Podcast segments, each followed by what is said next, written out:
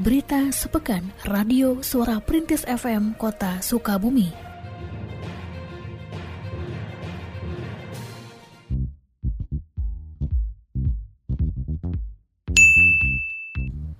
Kepala Bidang Usaha Kecil Dinas Koperasi dan Usaha Kecil Provinsi Jawa Barat, Tatang Suryana, saat ditemui usai peresmian food court dan gerai UMKM Jabar Juara di lapangan Merdeka pada 5 Februari lalu, mengatakan bahwa jika dinilai berdasarkan data transaksi online UMKM, terjadi kenaikan pendapatan yang dialami oleh UMKM selama pandemi COVID-19. Ia mencontohkan pada satu marketplace terjadi kenaikan omset pada tahun 2021, meskipun situasi pandemi masih terjadi.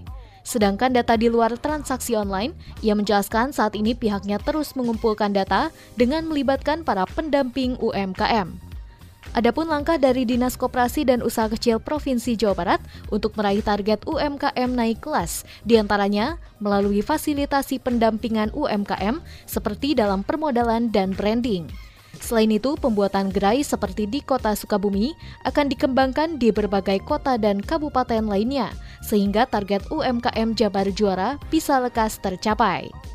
Sebetulnya kami di sini memfasilitasi saja sih, fasilitasi untuk akses permodalan, akses pembiayaan, kemudian juga kita berikan fasilitasi untuk halal dan e, merek yang yang dibutuhkan oleh para pelaku UKM untuk bisa ya tujuan utama naik kelas mau ekspor. Oh, gitu. Untuk Sukabumi ini keberapa Pak gerai UKM? Ya, uh, ini baru pertama ya. Pertama. Nah, jadi, oh, jadi ya. project uh, oh. kita juga akan coba ajak teman-teman kabupaten kota untuk bisa melihat uh, apa namanya gerai ini. Jadi terobosan baru bisa mengembangkan uh, UMKM juara bisa eksis ya di, di masyarakat. Targetnya sendiri Pak, di Jabar berapa banyak? Uh, kita harapkan semua, uh, semua provinsi, ikut, ya, semua provinsi juga daerah, ya, ya, ya, menyiapkan gerai untuk UMKM juara. Digitalisasi sistem layanan kesehatan menjadi salah satu isu strategis yang dibahas dalam Forum Perangkat Daerah FPD Dinas Kesehatan Kota Sukabumi pada hari Senin 7 Februari 2022.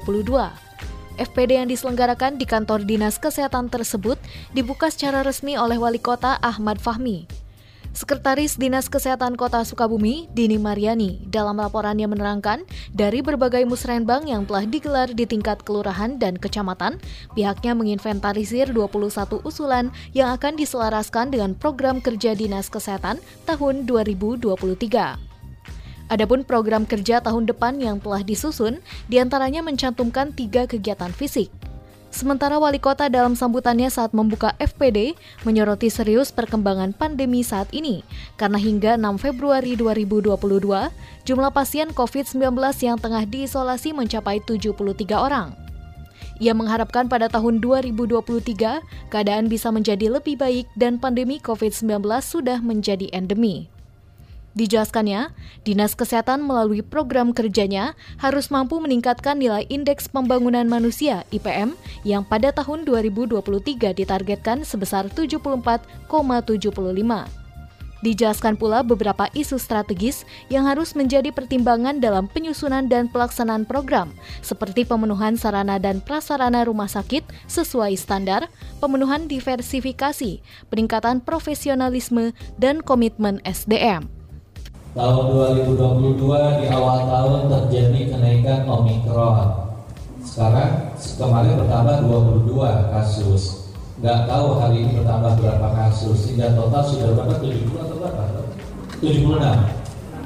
Hari, berarti total sampai dengan kemarin sudah 76 kasus baru pandemi COVID di tahun 2022 ini. Kita nggak tahu kapan selesainya, kita nggak tahu bagaimana ke depannya, tetapi kita berharap 2023 bahkan di 2022 ini sudah jadi endemi, bukan lagi pandemi. Berharap percepatan penanganan ini betul-betul akhirnya tadi kita beradaptasi dengan baik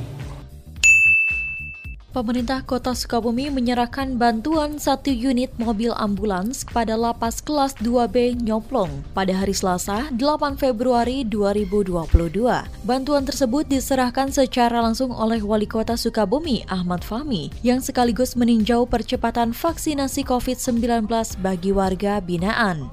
Wali kota dalam keterangannya mengharapkan bantuan mobil tersebut bisa mempercepat penanganan kesehatan warga binaan yang membutuhkan perawatan di rumah sakit. Selain itu, diterangkan pula percepatan vaksinasi saat ini tengah dilaksanakan sesuai instruksi Presiden karena Indonesia mengalami gelombang ketiga penyebaran COVID-19. Langkah lainnya yang ditempuh untuk menanggulangi pandemi saat ini adalah melalui pengetatan protokol kesehatan. Nah, agar ketika ada warga binaan yang mengalami gangguan kesehatan bisa cepat untuk ditangani untuk dibawa ke lokasi-lokasi pusat pelayanan kesehatan. Untuk kasus Omikron yang tercatat ini baru satu kasus yang dinyatakan kasus Omikron.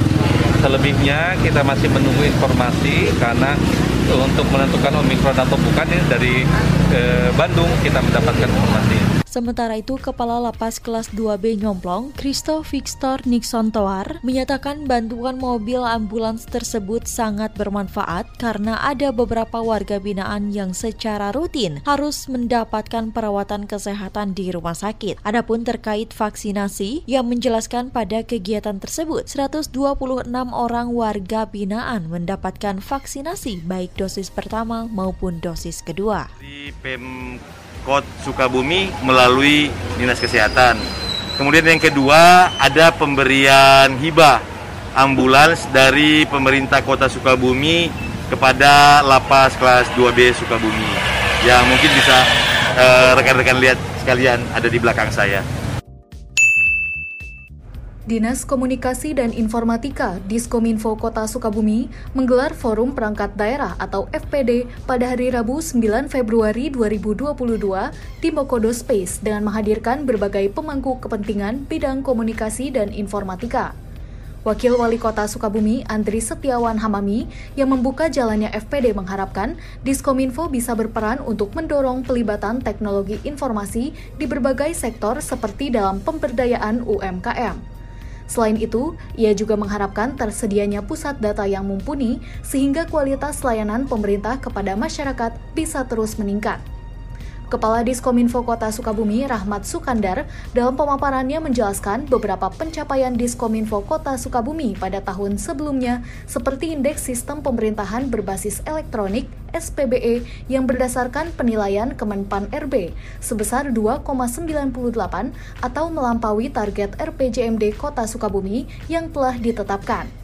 Ia juga menerangkan bahwa untuk mewujudkan kota Sukabumi digital dan informatif perlu usaha bersama, sehingga pelibatan berbagai pemangku kepentingan dalam FPD sangat berpengaruh dalam perencanaan program kerja Diskominfo ke depannya. Pada FPD yang terselenggara berkat kerjasama dengan Telkomsel Kota Sukabumi, Wali Kota Sukabumi Ahmad Fahmi mengharapkan agar Diskominfo bisa mengambil peran lebih optimal dalam pemberantasan kabar hoax, memastikan penyebar luasan informasi bisa menjangkau lebih dari 350 ribu penduduk Kota Sukabumi dan selalu berinovasi dalam penyebar luasan informasi sehingga apa pun pesan dari masyarakat, apakah keluhan, apakah saran, apakah kritikan, ini bisa cepat direspon oleh pemerintah daerah. Itu yang pertama. Yang kedua, Diskominfo harus menjadi lembaga yang mampu menangkal isu-isu yang sifatnya hoax, ya, yang sekarang bertebaran, baik dalam proses pembangunan maupun dalam proses yang sifatnya penanganan pandemi COVID ini. Itu yang eh, kedua yang saya tekankan. Kemudian yang ketiga yang saya harapkan sebagai corong pemerintah seorang informasi, maka di Kominfo harus menghadirkan informasi yang seluas-luasnya kepada masyarakat. Kita punya 351 ribu warga masyarakat, bagaimana caranya informasi yang bersumber dari pemerintah itu sampai kepada seluruh warga masyarakat Sukabumi. Tiga hal itu. Dinas Ketahanan Pangan, Pertanian, dan Perikanan DKP 3 Kota Sukabumi mencanangkan Indeks Pertanaman IP 400 yang merupakan program Kementerian Pertanian. Pencanangan tersebut dilaksanakan pada hari Kamis 10 Februari 2022 di lokasi KWT Kelurahan Babakan dan dihadiri oleh Wali Kota Ahmad Fahmi serta perwakilan Kementerian Pertanian. Dalam sambutannya, Wali Kota mengatakan bahwa dengan IP 400 diharapkan produktivitas pertanian meningkat sehingga pasokan kebutuhan pangan untuk kota Sukabumi tidak terlalu bergantung ke pasokan dari luar daerah. Saat ini untuk pasokan pangan yang berasal dari kota Sukabumi hanya mencukupi 30% dari kebutuhan. Sementara itu, Kepala DKP 3 Kota Sukabumi Andri Setiawan menjelaskan bahwa lahan pertanian setiap tahun semakin berkurang, sementara jumlah penduduk di Kota Sukabumi makin bertambah. Melalui IP 400, panen akan dilakukan empat kali dalam setahun karena varietas yang ditanam adalah varietas genjah dan optimalisasi pemanfaatan lahan pun dapat dilakukan. Alhamdulillah kita tidak lanjut daripada uh, program pemerintah khususnya Kementerian Pertanian Kota Sukabumi mendukung program IP 400. Ya, saya sampaikan bahwa Kota Sukabumi kita target itu 127 hektar. Alhamdulillah pada hari ini kita dilaksanakan langsung oleh Pak Wali Kota Sukabumi dihadiri oleh Dirjen eh, Direktorat dari Senalia khusus koordinator PANI. Mudah-mudahan dengan tekad bersama khususnya Kota Sukabumi kita berhasil dan sukses pelaksanaan kegiatan IP 400. Ya IP 400 kan biasanya kita tuh satu tahun itu tiga kali panen. Nah sekarang itu satu kali eh, satu tahun itu empat kali panen. Itu akan meningkatkan produktivitas eh, pertanian dan meningkatkan eh, ekonomi kepada para petani.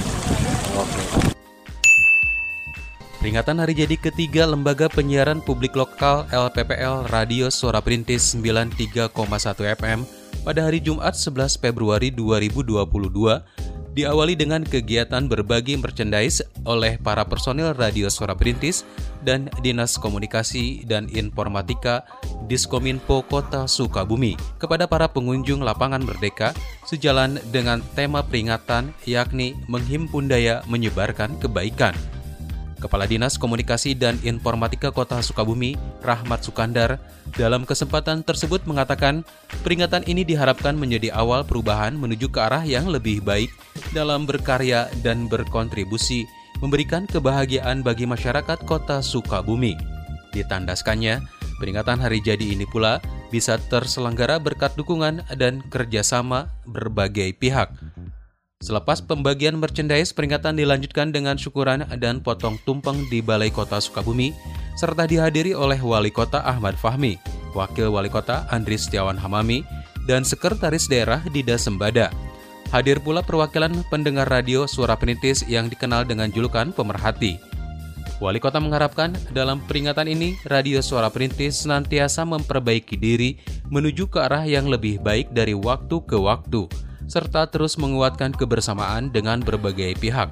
Diharapkan pula, Radio Suara Perintis terus mengembangkan diri agar menjadi referensi informasi masyarakat. Mudah-mudahan ini menjadi simbol, menjadi ikon bagaimana Radio Suara Perintis ini mampu membumikan berbagai informasi kepada warga masyarakat yang kita cintai. Tentunya masih banyak kekurangan, ya, dan kita berharap kekurangan-kekurangan yang ada ini mampu semakin diminimalisir oleh Pak Kadis dan seluruh squad dari eh, Dinas Kominfo ini. Dan kami berharap betul-betul suara perintis ini menjadi bagian yang senantiasa mengedukasi masyarakat. Baik yang sifatnya informasi baik yang sifatnya juga penyampaian edukasi, baik juga yang sifatnya untuk sekedar tadi rekreasi bagi masyarakat.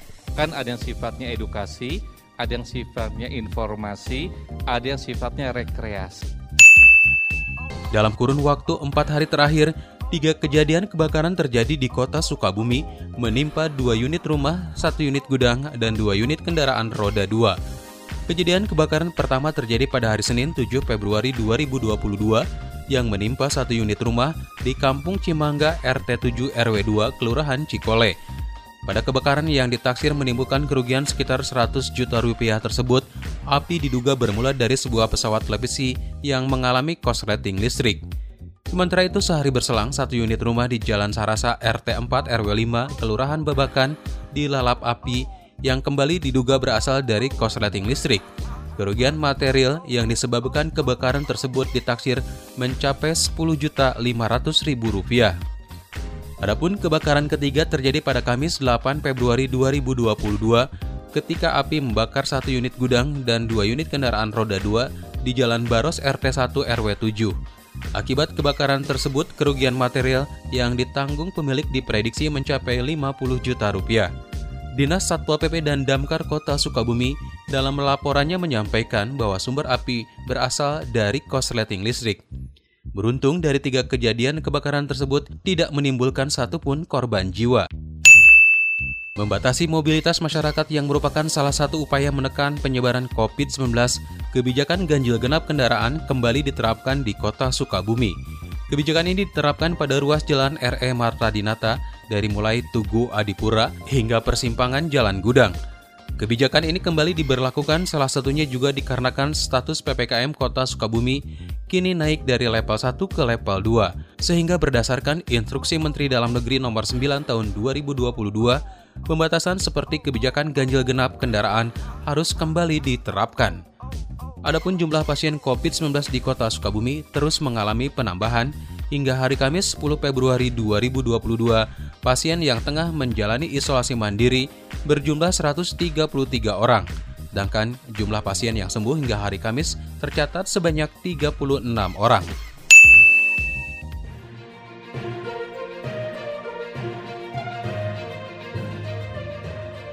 Berita sepekan Radio Suara Perintis FM Kota Sukabumi.